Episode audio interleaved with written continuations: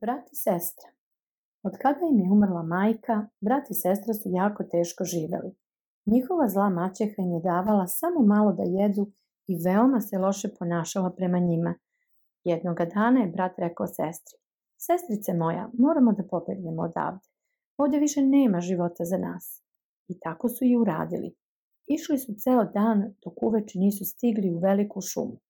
Tu su zaspali tužni i gladni. Sledećeg jutra brat se probudio žedan. Zajedno su krenuli u potragu za vodom, ali čim je zla maćeha otkrila da su brat i sestra pobegli, začarala je svu vodu u šumi, jer je ona bila zla i veštica.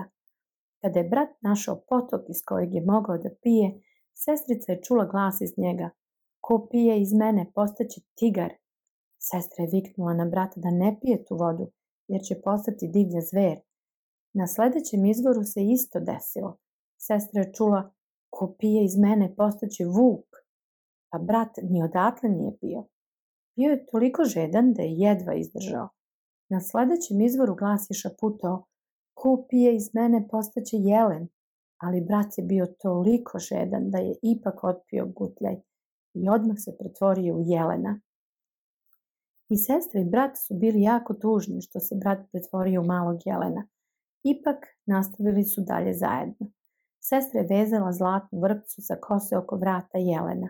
Napravila je juže od trske koje je vezala za ogrlicu i vodila malog brata sve dalje u šumu. Posle duge šetnje, sestra i brat su došli do prazne kuće. Tu su mogli da žive na miru. Jednoga dana, kralj te zemlje je pravio lovačku zabavu u šumi. Mali brat je čuo vesele krike lovaca, lavež pasa i zvuke rogova. To ga je toliko učinilo srećnim da je odmah poželao da izađe napolje. Sestra je pokušala da ga zaustavi, ali ju je on molio da ga pusti. Konačno je pristala, ali je morao da obeća da će se vratiti uveče. Kad dođe do vrata treba da kaže Sestro draga, pusti me unutra, kako bi ona znala da je to on. Brat je proveo divan dan u šumi. Lovci su ga jurili, ali nisu mo mogli ništa. Sutradan se ponovo bili u lovu i brat je opet uspeo da im pomogne. Tako je jurcao sve do mraka. Jedan od lovaca je uspeo da ga lakše rani u nogu. Brat je polako odhramao do kuće i doviknuo Sestro draga, pusti me unutra. Lovac se iskrao iza njega i čuo ovo. Odmah je rekao kralju. Sutradan je kralj opet krenuo za svojom svitom u lov, u lov. Rana malog brata je već zarasla i on je izašao napolje. Sestra nije mogla da ga zaustavi. Ceo dan je trčao kroz šumu.